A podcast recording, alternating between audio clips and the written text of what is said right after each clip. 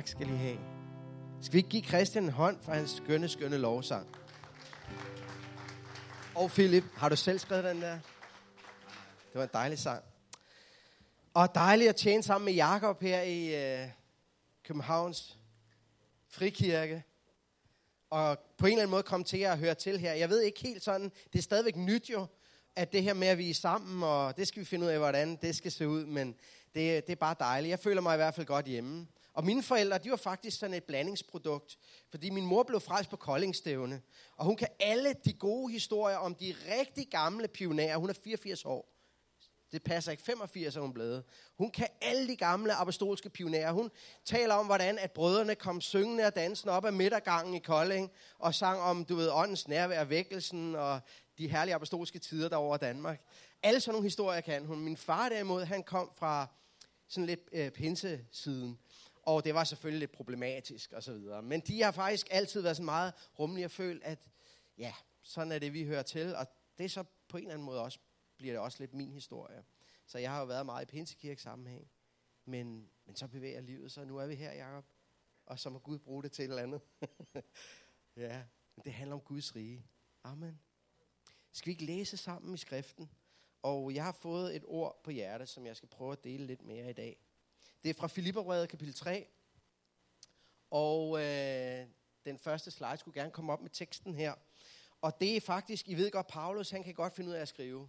Og der er sådan meget, der er tit noget gods i det, som han skriver. Så det skal vi prøve at dykke lidt ned i i dag. Kunne I ikke rejse os op og læse sammen her? Der står, jeg står i Apostolsk Kirke, siger man ikke det? Så det gør vi så her, øh, også til formiddag. Øh, der står sådan her i øh, Filipperbrevet 3, og vi læser fra vers 7, hvad Paulus siger. Dog, hvad jeg havde af fortjeneste, det regner jeg nu på grund af Kristus fortab. Ja, jeg regner så vist alt fortab. På grund af det langt større at kende Kristus Jesus, min Herre. På grund af ham har jeg tabt det alt sammen, og jeg regner det for skaren for, at jeg kan vinde Kristus og findes i ham, ikke med min egen retfærdighed, den fra loven, men med den, der fås ved troen på Kristus. Retfærdigheden fra Gud, grundet på troen. For at jeg kan kende ham. Og hans opstandelses kraft.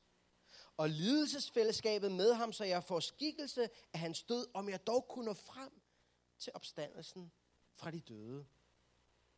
Ikke at jeg allerede har grebet det eller allerede er blevet fuldkommen, men jeg jager efter det, om jeg virkelig kunne gribe det, fordi jeg selv er grebet af Kristus Jesus. Brødre og søstre, jeg mener ikke om mig selv, at jeg allerede har grebet det, men det det ene gør jeg. Jeg glemmer, hvad der ligger bagude, og strækker mig frem imod det, der ligger forude. Jeg jager mod målet efter sejrsprisen, som Gud fra himlen kalder os til i Kristus Jesus. Således skal I tænke, vi, der er fuldkommende, og tænker I anderledes på noget punkt, så vil Gud åbenbart også for jer. Blot skal vi blive i det spor, vi er kommet ind på. Amen. Amen, værsgo og sidde ned. Det var en ordentlig mundfuld. Jeg vil godt sige noget om længsel i dag. Og her på den næste slide, der har jeg skrevet en overskrift, som jeg læste engang. Jeg tror, det var med reference til den gamle kirkefar Augustin, som siger, at mennesket er skabt længsel. Øhm, hvad længes du efter? Jeg tror faktisk, vi alle sammen sidder her i dag med længsel i vores hjerter. Det er på en eller anden måde meget helt grundlæggende for vores menneskelige identitet, at vi har længsel. Vi længes efter noget. Der er noget inde i os, der ikke er tilfreds. Vi har alle sammen et eller andet i os, der higer efter en tilfredsstillelse. Øhm, et eller andet, der skal gøre os hele. Et eller andet, der skal fylde os og lede os videre. Mennesker kan ikke leve uden længsel. Øhm, og øh, Augustin, han taler om den her længsel. Han var en gammel kirkefar derfra, 300-400-tallet. Han taler om længsel som en indre uro. Og han siger, hvor dit hjerte er uroligt, indtil det finder hvile i dig, Gud. Så tog jeg også det her, øh, det her citat fra Sartre, som jo er sådan den store ateistiske filosof fra det forrige århundrede. Og Sartre han taler faktisk om, at vi skal komme af med den her gudslængsel. Fordi det Augustin siger er jo, at længslen i vores hjerter i virkeligheden er en længsel efter Gud. Det er en åndelig længsel, Gud har lagt i os. Sartre han taler om, det, det er godt nok besværligt, og hvordan kan vi komme af med den? Og måske er det i virkeligheden vores tidsprojekt. Mange mennesker retter deres længsel imod alt muligt andet. Og det kan vi godt gøre. Det kan vi også gøre sådan egentlig ubevidst. Hvad længes vi efter? Nogle mennesker, de øh, tænker, at det jeg længes efter, det kan opfyldes af fysisk tilfredsstillelse. Af god mad. Eller en tur i høet, har han sagt. Altså, sex er jo næsten blevet en afgud for mange mennesker. Og for mange mennesker er det jo en længsel efter ikke bare en orgasme, har jeg sagt. Det er jo en længsel efter noget åndeligt i virkeligheden. En eller anden længsel efter forening. Længsel efter at blive et lykkeligt og et helt menneske, kan gøre seksualiteten til en afgud. Og det var det, Jesus forstod, når han mødte mennesker, der levede i synd. Han blev ikke sådan super forarvet, selvom han kunne sige til kvinden, kan I huske han, kvinden ved brønden, hvor han siger, du har haft fem mænd, og ham du har nu er ikke din mand. Det var ikke just en kompliment at få. Og alligevel, den her kvinde, hun kunne modtage det her budskab uden, uden nogen form for fordømmelse. Fordi Jesus forstod hendes længsel. Han vidste, at hun var tørstig. Han vidste, at hun, søgte, hun tørstede efter det levende vand. Hun tørstede efter det guddommelige. Men hun har bare forsøgt at slukke sin tørst det forkerte sted. Så det er en måde, vi kan gøre det på. Vi kan søge det i øh, måske det kulturelle, æstetik, eller vi kan søge det måske i den gode sags tjeneste, aktivismen. Øh, lad os kæmpe lidt for øh, at redde øh, klimasituationen på kloden. Det kan også være en måde at leve sin længsel efter noget mening ud på. Eller ganske simpelt materialisme. Jeg var i, øh, i Texas, Texas for to år siden i San Antonio. Det var helt vildt fedt. Og I ved godt, der i Texas, der er mange sådan oliemilliardærer. Altså, man kommer virkelig ind i sådan... Der, det område, jeg var, der kunne man bare mærke, at folk var stinkende rige. Og jeg kan huske, at jeg kom ud der, jeg havde jo alle de her tanker om Texas, og tænkte, kommer det nu til at holde stik? Det første, der sker, det er en kæmpe stor firehjulstrækker, der parkerede lige foran mig. Jeg har aldrig set så stor en firehjulstrækker. Det var gigantisk. Øh, azurblå med masser af krom. Og som en, som en tank, ikke? Og så går døren op, og så kommer der en lille bitte mand ud. En lille bitte tynd cowboy. Altså, han var mindre end mig, med en kæmpe stor hvid cowboyhat. Og øh, jeg tænkte bare, altså, hvad sker der for dig? Det der er jo fuldstændig unødvendigt. Du kunne have købt en bil, der matcher størrelsen. Eller et eller andet, ikke? Han stod der, og øverkanten af dækket, det var sådan op i skulderhøjde på ham. Men han så fuldstændig alvorlig ud. Fuldstændig cool. Stod der med sin store cowboyhat og Ray-Bans og sådan et øh, uh, McLeod-overskæg. Nogle af jer kan huske Sam McCloud, ikke? og, og selvfølgelig skjorten ned i øh, et par jeans med sådan et kæmpe bredt bælte, og så sådan en kæmpe massiv øh, bæntespille i messing, ikke? Og, øh, og bukserne ned i et par fine, blankpolerede, jeg tror de var mahoni farvede øh, cowboy boots, sådan nogle pointed nogle. Og han stod bare fuldstændig kold. Og så gik han bare som om, han ejede hele verden ind i den der afgangshal. Ikke? Little man, big attitude. Let's make America great again. Ikke? Og jeg tænkte bare, yes mand, nu er jeg i Texas. Det her laver bare op til alle mine fordomme. Hvor er det fedt. Og det er jo sådan der, noget med, at penge kan gøre noget ved mennesker. Og alligevel så ved vi godt, at der er rigtig mange velhavende mennesker, som oplever, at deres hjerte er slet ikke tilfredsstillet. Det, der er mit budskab i dag, det er egentlig Paulus' budskab, står der her på den næste slide.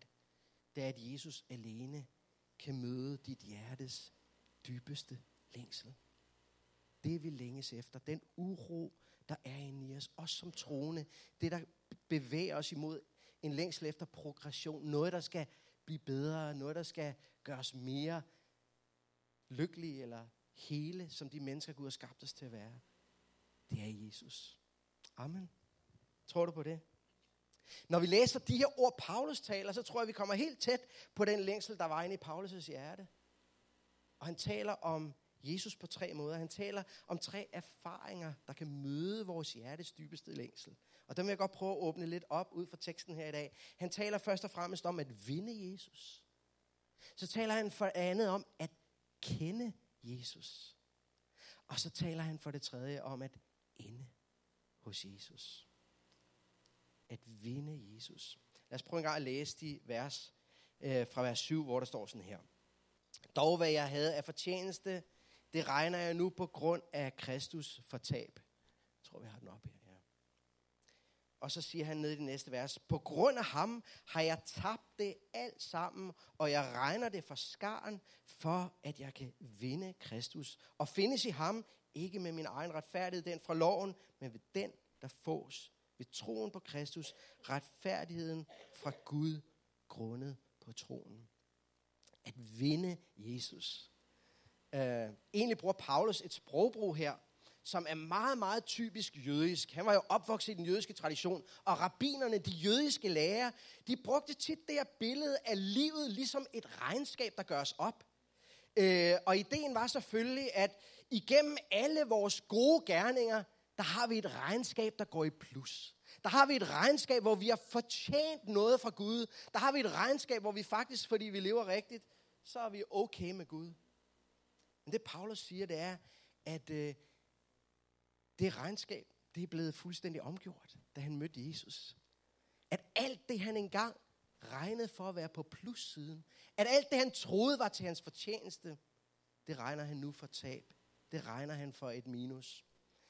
Øh, her i vers 7, at regne eller betragte, kan man også oversætte det. det I virkeligheden, nu står det sådan i, i nutidsform i, i den danske bibel, men i den græske grundtekst er det i virkeligheden det er lidt nørdet det her, men det er virkelig en datidsform. Jeg regnede det, men det er en speciel form for datid, som man kalder perfektum.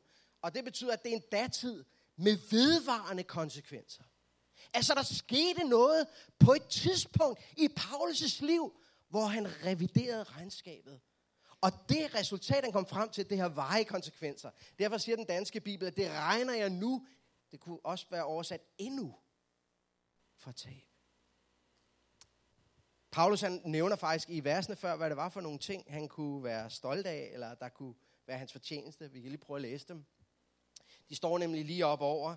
Han taler om, at øh, ja, alle de ting, som en god jøde satte pris på, det, det havde han faktisk. Han var ægte fuldblods jøde, han var omskåret, han var fra en religiøs baggrund, han var lært, oplært i, øh, i den farisæiske tro. Han tilhørte den mest radikale af alle de her forskellige sekter, der var. Farisæerne. Han var aktivist. Han var en ivrig forfølger af kirken. Det var han stolt af. Og så siger han, han var perfekt ifølge lovretfærdigheden. Altså, jeg var fejlfri, siger han faktisk her. Og det betyder ikke, at han virkelig holdt loven på den måde, Gud ønskede det. Men det betød, at farisæerne havde faktisk lige præcis 615 regler. Og hvis man efterlevede dem, så tænkte de, så havde, det var ligesom, det her var opsummering af loven. Og det gjorde han. Det var en god til. Og så kan I huske historien af Paulus. Han var på vej til Damaskus. Han var den her fanatiske unge jøde, og han brændte af, hvad skal man sige, af ambition for, at, at det han havde ligesom de forventninger, han havde til Gud, skulle gå i opfyldelse. Men der var noget, der forstyrrede ham. Der var den her latterlige nye sekt, som påstod, at Messias allerede var kommet. Og at han var en tømrersøn fra Nazareth. Ikke alene det. Den her tømmersøn, han havde samlet alle mulige fuldstændig håbløse personer omkring sig. Selvfølgelig ikke ret mange fariserer, men alle mulige sindssygt tårlige mennesker. Og de her mennesker, de påstod, at romerne havde korsfæstet Messias, og så var han blevet levende igen. Det var for meget, og det voksede. Og der står, at Paulus nyeste af raseri. Han følte simpelthen, at han var nødt til at lægge låg på den her vranglærer, og derfor havde han fået et brev med ret til at forfølge de her, som kaldte sig kristne. Efterfølger af den salvede. Frygtelig vrøvl. Og han tænkte, det bedste, der kan ske, det er, at de bliver taget til fange, de bliver fængslet, i bedste fald, at de bliver slået ihjel. Og der er han på rejse med sit sit gang, sin bande af radikale fejsager. Og så pludselig på vejen til Damaskus, så sker der noget med Paulus. Jesus åbenbarer sig for ham. Han ser et lys. Han ser Guds herlighed skinne fra den opstandende Jesus, og han falder til jorden. Og Jesus begynder at tale til ham og siger, Saul, hvorfor, hvorfor forfølger du mig? Og så taler Jesus ind over Paulus' liv at nu skal der ske noget nyt. Du skal rejse dig, og så skal du gå ind i Damaskus, og der skal du vente og så vil jeg åbenbare for dig, hvad det er, der er Guds plan for dit liv. Wow. Så rejste Saul sig op, og så gik han ind i Damaskus. Det var hans gamle navn, Saul. Han blev til Paulus. Og der sad han, og det bemærkelsesværdige var, at han var blevet blind. Nogen, har du nogensinde tænkt over, hvorfor at Saulus han blev blind? Jesus plejer at være god til at give folk deres syn igen, ikke? Men jeg tror, det var fordi, at Paulus har brug for at lade være at se på det ydre. Er det ikke det, han taler om her? At det ydre, det, jeg havde meget ydre at være stolt af. Han har brug for at se ind i sit hjerte. Og det gjorde han faktisk i tre dage. Der sad han og reviderede regnskabet. Og ved du, hvad han fandt ud af? Han fandt ud af, at det var fusk. Det var sminkede regnskaber. Det var kreativ bogføring. Alt det, han troede var en fortjeneste, var et overskud, så han pludselig som et kæmpe stort minus. I forhold til Gud så han, der er ikke noget af det, jeg har præsteret, som tilnærmelsesvist har ledt mig i nærheden af det, som jeg længes efter. I nærheden af det, som Gud han har til mig. Men så så han også noget mere, for det her syn af Jesus havde præntet sig ind i hans hjerte. Han havde set Guds herlighed. Han havde hørt Guds kald. Jesus havde sagt, Saul, der er noget nyt for dig, der er noget andet for dig. Og i hans hjerte, de tre dage, der voksede der en ny åbenbaring, en ny overbevisning, at det eneste, som kan tilfredsstille mit hjertes dybeste længsel, det er at tage imod det kald. Det er at følge efter Jesus. Det er at lægge hele regnskabet over til Gud. Sige, jeg overgår ikke engang at regne mere på det. Jeg er færdig med det, jeg er gået for lidt. Og så tage imod overskuddet, gaven fra Jesus. Og gå fra minus til plus i et nyt regnskab, hvor det er Gud, der fører det. Og det gjorde han på tredje dagen, der kom Ananias, hvis du kan huske historien, en ung disciple, der kommer ind, og så siger han, broder Saul. Jeg elsker det der med, broder Saul. Ikke? Det, det er den mand, som er kommet for at slå mig ihjel. Men nu er der sket noget. Og så siger han, broder Saul, og lægger hænderne på Saul, og beder for ham. Og så falder der skæld fra hans øjne. Han ser, at han bliver fyldt med helligånden. Og det var begyndelsen på noget helt nyt. Amen. Fordi Paulus havde vundet Kristus. Og ved du hvad, vi, vi trænger til at leve sådan et liv, hvor vi kan sige det her. Paulus siger, det er utrolig stærkt. Han går egentlig videre, han siger, jeg, jeg, jeg har lidt tab på det hele. Øh, først så siger han, alt det, jeg havde fortjent, det, det har jeg tabt. Men senere siger han, jeg har tabt det hele. Øh, og faktisk siger han her, til sidst så siger han, jeg regner alt andet for skarn. Og skarn, det betyder affald. Det, der ligger på bunden af en skraldespand, eller måske endnu værre, øh, eller endnu bedre, det ved jeg ikke, øh, det er rene lort, som man, man vil sige på Bornholm. Altså, det er faktisk i den engelske, jeg tror det er King James oversættelsen, så står der dong. Og dong, det er sådan et gammelt engelsk udtryk for lort, eller for afføring. Altså noget, man skyller ud i toilettet. Paulus kan nogle gange være sådan rimelig radikal, ikke? rimelig frit, frit fra leveren. Han siger, der er ikke noget, der sammenligner sig med Jesus. Jesus er min ultimativt største livsværdi.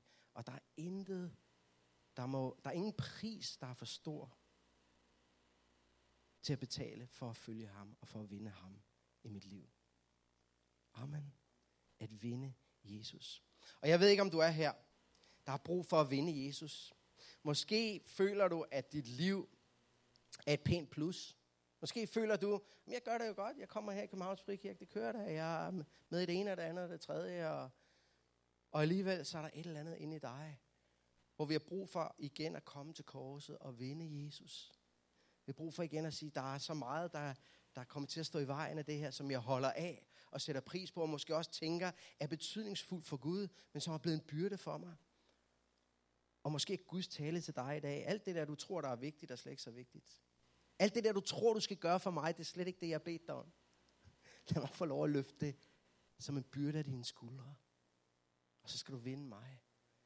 På grund af det, jeg har gjort. Det kan også være, at du er her, og du bare føler, det, at der er minus på kontoen. At der er nogle ting, der går i stykker. At der er nogle ting, der mislykkes. Og du være, så er gode nyheder til dig. At du kan vinde Jesus. Og ved du, hvorfor vi kan det? Fordi det er hans længsel. Og faktisk, mens jeg sad og læste det her, så kom jeg til at tænke på, at der er jo, et, der er jo en baggrund for det, Paulus han siger. Og øh, det ved vi godt, når vi kender Filipperbrevet, fordi at øh, sådan hjertet i Filipperbrevet, det brev, som Paulus skriver her, det er jo faktisk øh, en, et digt, som står i kapitlet lige før, kapitel 2. Jeg vil godt lige læse det for jer. Jeg har det også på sliden her. Et digt om Jesus, hvor der står sådan her, at Jesus havde Guds skikkelse. Men han regnede det ikke for et rov at være lige med Gud, men han gav afkald på det, og tog en tjener skikkelse på at blive mennesker lige. Og da han var trådt frem som et menneske, ydmygede han sig og blev lydig ind til døden. Ja, døden på et kors. Derfor har Gud højt ophøjet ham og skænket ham navnet over alle navne, for at i Jesu navn hver knæ skal bøje sig i himlen og på jorden og under jorden, og hver tunge skal bekende, Jesus Kristus er Herre til Gud Faders ære. Ved du hvad? Det er baggrunden. Fordi det startede med Jesus. Og det, der egentlig står her, det er, at Jesus tabte alt for at vinde dig og mig. Han gav afkald. Han holdt ikke fast på det, han havde af fortjeneste. Men han gav afkald på det. Han blev et menneske. Han blev en tjener. Han, han led døden på et kors. Og der betalte han prisen for dit og mit underskud. For vores fejltagelser, for vores synd, for vores misforståede tro på, at vi skal fortjene noget fra Gud og lægge byrder på os selv. Alt det tog han op på korset. Amen. Og fordi han vandt dig og mig, så kan vi vinde ham. Tak, Jesus. Skal vi ikke komme til korset i dag? Jeg tror, der er nogen, der har brug for at komme til korset i dag og opleve, at det er den pris. Det er der regnstykket går op. Det er der Gud møder din længsel. Nu vil jeg skynde mig videre og tale lidt om det også at kende Jesus.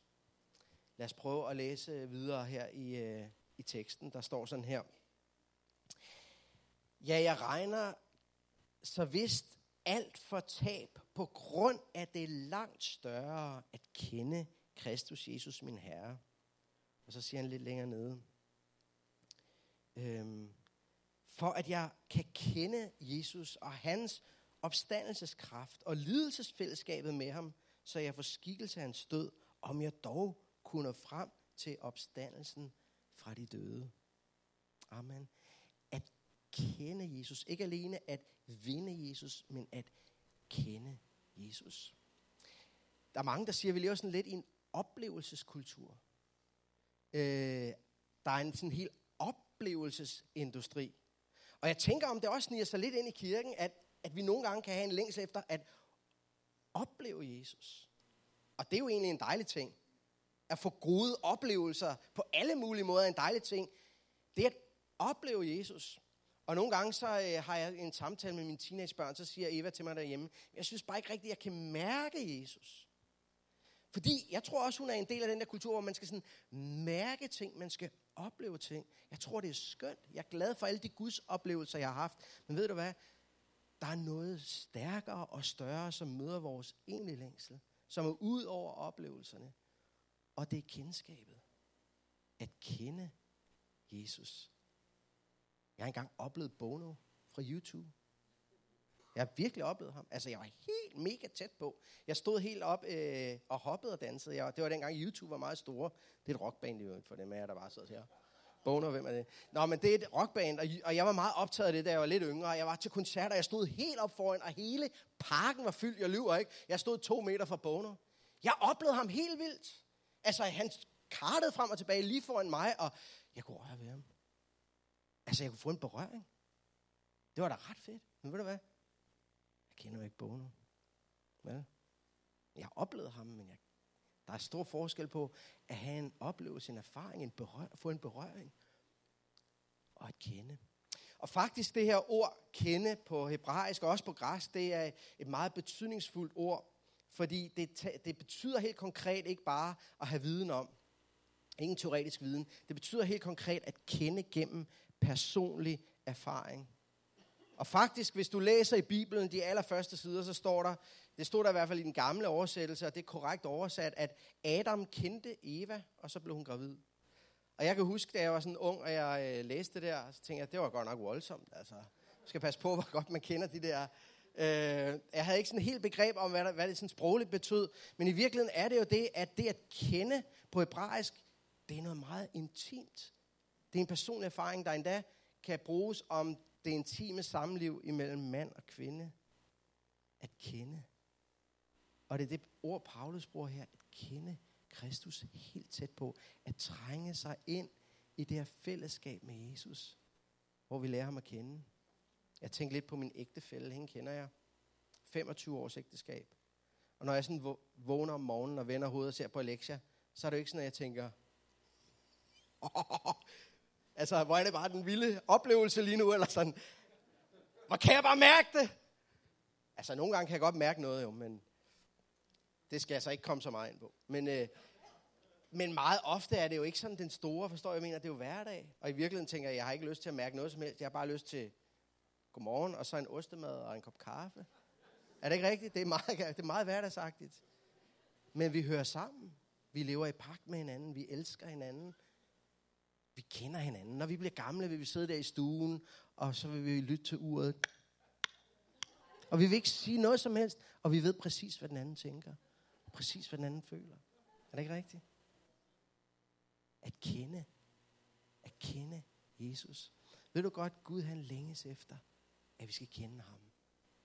Han længes efter, at vi skal være i det her intime fællesskab. Og nu begynder Paulus igen at tale om korset. Han begynder at tale om lidelse, og han begynder at tale om opstandelseskraft. Og ved I hvad, nu er der noget, jeg er nødt til at sige, som jeg fik sådan på hjerte, at jeg skal sige, at det passer godt ind nu. Det er, at vi bliver aldrig færdige med korset. Vi bliver aldrig færdige med det. Paulus taler om korset hele tiden. Uanset hvilket emne han er inde på, så taler han på en eller anden måde om, at korset er centralt. Og vi har en gammel sang, den kender I godt, jeg har besluttet at følge Jesus. Ikke? Der synger vi et vers, hans kors står foran mig, og verden bag mig. Er der nogen af jer, der kan huske det vers? Ikke? Og, øh, og verden, det er selvfølgelig ikke mennesker, det er alt det der, der ikke harmonerer med at følge Jesus. Det har vi lagt bag os. Men jeg tænker egentlig, at der, der er mange kristne i dag, der på en eller anden måde tror, at lidt har lagt korset bag sig, som om, om korset, altså når vi taler om korset, så siger de, mm, men korset, Kenneth, det, der, det har vi jo, der har vi jo været.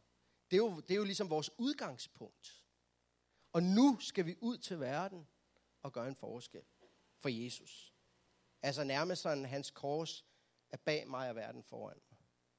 Står I, hvad jeg mener? Men ved du hvad, sådan er det, sådan er det virkelig ikke. Når jeg læser Paulus, og en af skriftens åbenbaring er, at korset, vi kommer aldrig forbi korset. Altså det hele er i korset. Uanset hvad Paulus taler om, så, så spiller korset en rolle. Ikke kun når han taler om frelse, også når han taler om det at vokse i Gud, om det at kende Jesus, eller han taler om tjeneste, det at tjene Jesus, eller han taler om evigheden, så taler han om korset.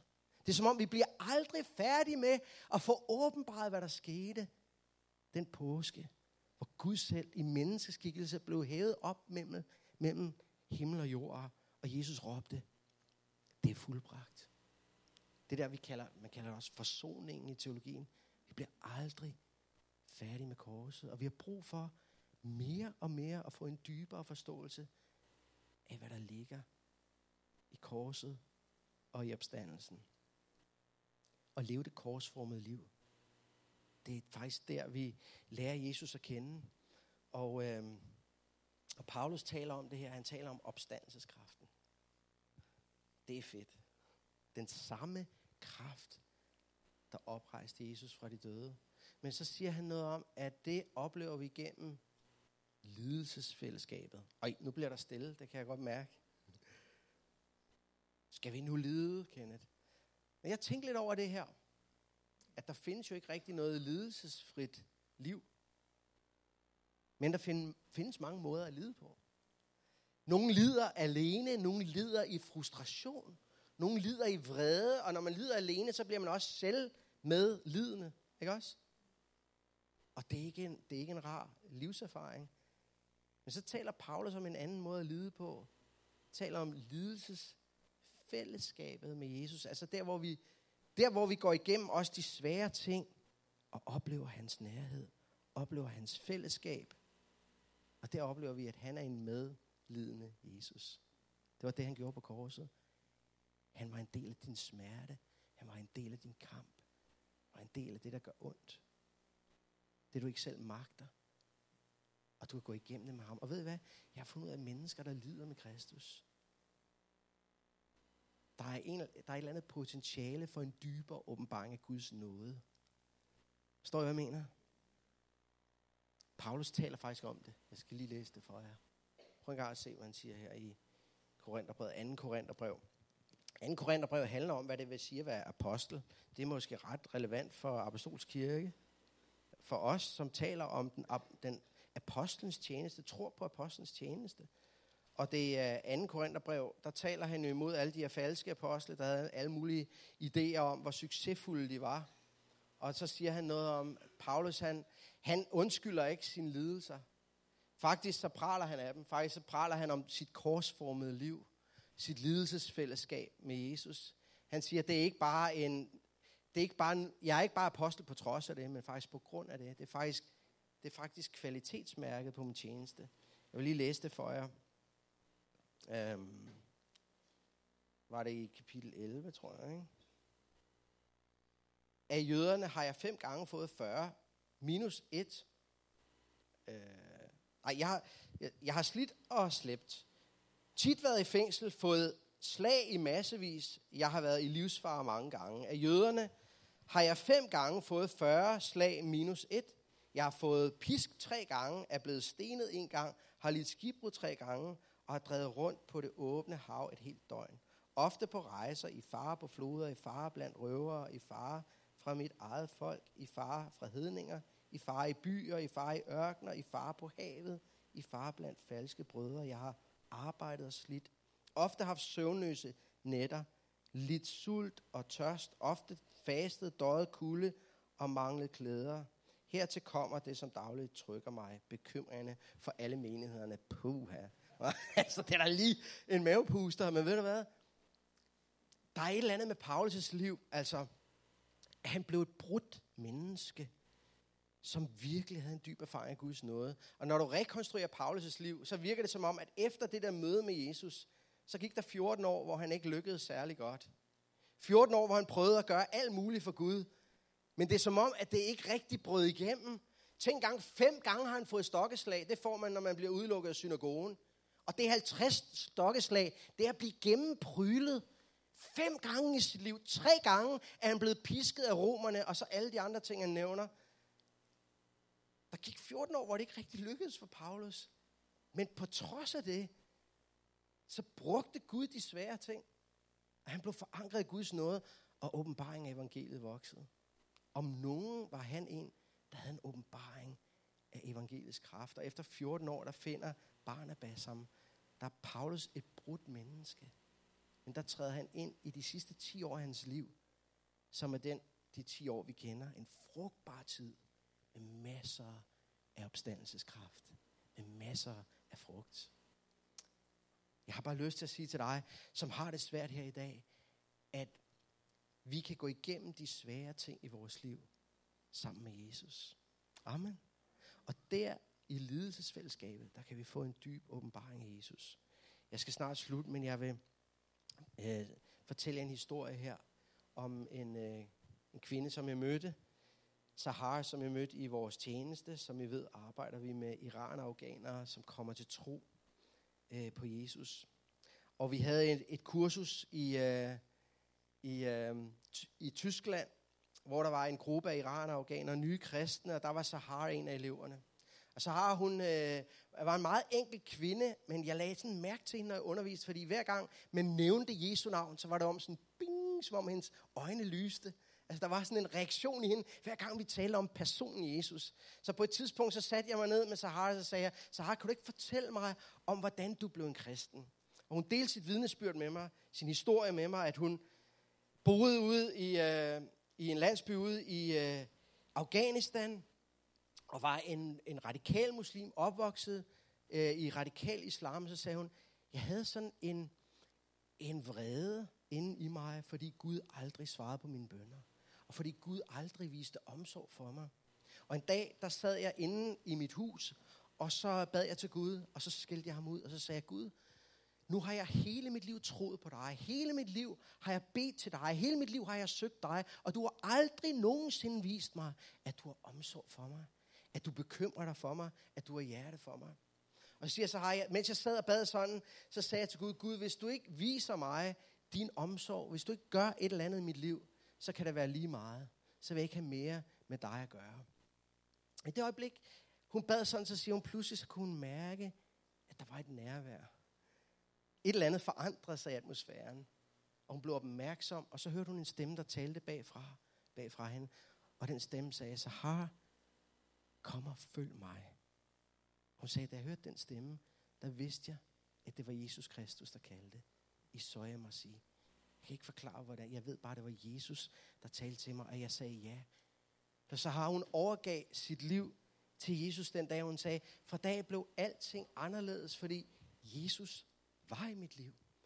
Jeg oplevede ham, jeg kunne tale med ham, han svarede på mine bønder, jeg havde fællesskab med ham, jeg var blevet en kristen. Jeg har aldrig læst i Bibelen, men jeg vidste, at Jesus var kommet ind i mit liv. Og det kunne jeg ikke rigtig skjule, så det blev kendt i landsbyen.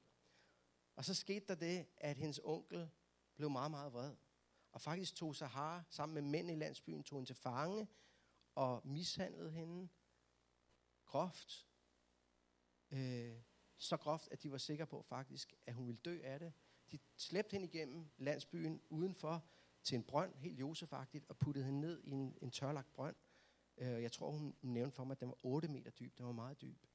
Og hun sagde, jeg lå der i brønden og blødte og var inde og ud af bevidsthed. Jeg ved ikke, hvor længe jeg lå der. Måske to døgn. Så kom hendes mand ud en nat. Det var farligt for ham, at han kom ud og hjalp hende og fik hende op af brønden og fik hende skjult og plejede hende, indtil hun havde fået det bedre. Og så siger han til hende, når hun har fået det bedre, så har du kan ikke blive her. De slår dig ihjel, hvis du bliver her. Og jeg ved, at dit største ønske, det er at finde en bibel. Så du må flygte til Iran. Og det siger meget om Afghanistan, at folk flygter til Iran. Ikke? Det plejer at være et sted, man flygter fra. Men okay, du må flygte til Iran. Og han hjælper hende afsted. Lang historie kort. Hun går øh, rundt i Teheran, og der møder hun en af evangelisterne fra vores netværk, og der får hun for første gang Guds ord i hånden. Hun begynder at læse, og hun bliver endnu mere forelsket i Jesus. Hun lærer Jesus at kende som skriftens messias. Og nu sidder hun over for mig og fortæller den her historie, og jeg kan se sårene på hendes arme. Og så siger hun noget til mig, der bare gik direkte ind i mit hjerte. Hun sagde, Kenneth, jeg har lidt meget, efter jeg blev en kristen. Men det har været det hele værd. Og så siger hun, jo Kenneth, fordi Jesus har altid været der. Han har virkelig omsorg. Han har aldrig svigtet mig. Selv da jeg lå på bunden af den brønd, der var han lige ved siden af. Amen. Og så sagde hun også, Kenneth, jeg vil ønske, at alle andre afghanere, som kommer her til Tyskland, de må lære Jesu kærlighed at kende, ligesom jeg har gjort det. Amen. Og jeg tror, jeg begyndte at forstå lidt af det der med lidelsesfællesskabet, der fører frem til opstandelseskraften. Jeg vil bare slutte med at læse versen om at ende hos Jesus. Så skal vi synge sammen. Paulus siger til sidst sådan her. Øh, ikke at jeg allerede har grebet det, eller allerede er blevet fuldkommen, men jeg jager efter det, om jeg virkelig kunne gribe det, fordi jeg selv er grebet af Kristus Jesus. Brødre, jeg mener ikke om mig selv, at jeg allerede har grebet det, men det, det ene gør jeg. Jeg glemmer, hvad der ligger bagud, og strækker mig frem imod det, der ligger forud. Jeg jager mod målet efter sejrsprisen, som Gud fra himlen kalder os til i Kristus Jesus. Amen. Kan I se, at han ændrer billedet lidt her? Fra det der med regnskab, så handler det nu om at løbe imod et mål. Det er et af Paulus' yndlingsbilleder. Vi løber imod et mål. Og han siger faktisk, i det her løb, der jager jeg. Hvad er det, jeg jager efter? At ende hos Jesus. Amen. Jeg har det mål, at en dag skal jeg møde Jesus. Og nogle gange tænker vi, hvis vi tænker for meget på himlen, så bliver vi sådan lidt verdensfjerne. Men ved I, hvad jeg tror? Min gamle far sagde det faktisk til mig. Han taler sådan lidt gammeldansk. Så sagde han, han er 88 nu, så sagde han, Kenneth, det er de mennesker, der lever fra himlen, der er bedst skikket til at lykkes på jorden. Ved du hvad? Det tror jeg faktisk er rigtigt. Jeg har mødt mennesker, som er himmelvendt, som vi sang om her, på en måde, så det kvalificerer deres vandring her. Åh, oh, jeg længes efter Jesus. Min, min lille nevø på 12 år, han er meget sådan åndelig vagt. Og det er sådan lidt nyt. Han er, han er sådan præ-teenager, men han er Men han er virkelig blevet frelst. Altså, han har virkelig mødt Jesus. Han havde virkelig mødt Jesus. Og så spurgte han sin far for min far, så siger han, far, for hvem glæder du dig mest til at møde himlen? Glæder du dig ikke til at møde Moses? Så sagde far for sådan lidt eftertænksomt, nej, sagde han. Det er Jesus. Det er Jesus. Og det gjorde sådan et indtryk på Lukas. Og han har nævnt det mange gange siden. Han forstår at jamen, alle de her vidunderlige forbilleder, der er gået forud, kan ikke måle sig med Jesus selv. Amen. Tænk den dag, du skal møde ham.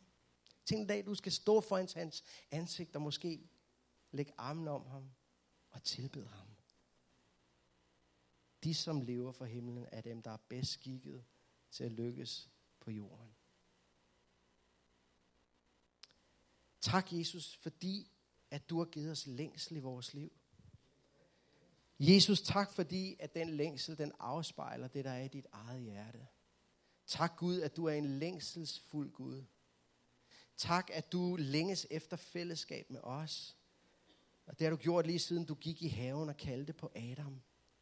Adam, hvor er du? Tak, at du længes efter os. Tak, Jesus, at du kom her til jorden for at vinde os og betale prisen på korset så vi kan vinde dig og kende dig og ende hos dig, Jesus. Tak for korset. Tak for nåden. Tak for dit nærvær. Både i de gode ting og i de svære ting. Tak for kraften i din opstandelse. Tak for, hvad du gør i menneskers liv, som vender sig imod dig. Tak for den kraft, du åbenbarer i menneskers liv, som taber alt for at vinde dig, Jesus. Vi ærer dig, vi må være her i dag og også bare tage imod dit hellige nærvær. Og far, jeg beder for dem af os, der har brug for at, øh, at gå et skridt tættere på dig. Måske har brug for at lægge noget af alt det ned, som vi regner for noget, som er en byrde for os. Eller har brug for bare at hengive os til at kende dig mere, Jesus. Til at leve mere med en himmelsk dagsorden. Far, tak, at du møder os i dag. Tak, Helligånd, at du møder os lige nu, her i formiddag med dit nærvær, Jesus. Halleluja. Kunne vi ikke rejse os op? Og så vil jeg så gerne, at vi slutter. Er det okay, Jacob? Vi slutter med at synge en god gammel sang. Du kender den, Jan. Det er nemlig den der, jeg har besluttet at følge Jesus. Der var mange af jer, der kendte den, ikke? Og så, I ved godt, den har fået en renaissance med en ny... Øh, men jeg har jo et gråt skæg. Vi tager den gamle. Er, kender du den gamle? Det er nogle af de unge her. Jeg har besluttet at følge Jesus, og så synger vi for fuld brag.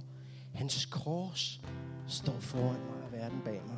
Amen. Om andre tøver vil jeg ham følge. Og til sidst så synger vi til hele Store København. Har du besluttet at følge Jesus? Skal vi gøre det? Så skal I synge godt med. Jeg synger ikke særlig godt, men jeg synger højt, når jeg har den her. Så må I bare hjælpe mig. Er I friske? Jeg har besluttet at følge... Lidt højere, kom så. Jeg har besluttet at følge Jesus. Jeg har besluttet at følge Jesus. Og aldrig mere. Og aldrig mere tilbage gå. Hans kors står foran mig.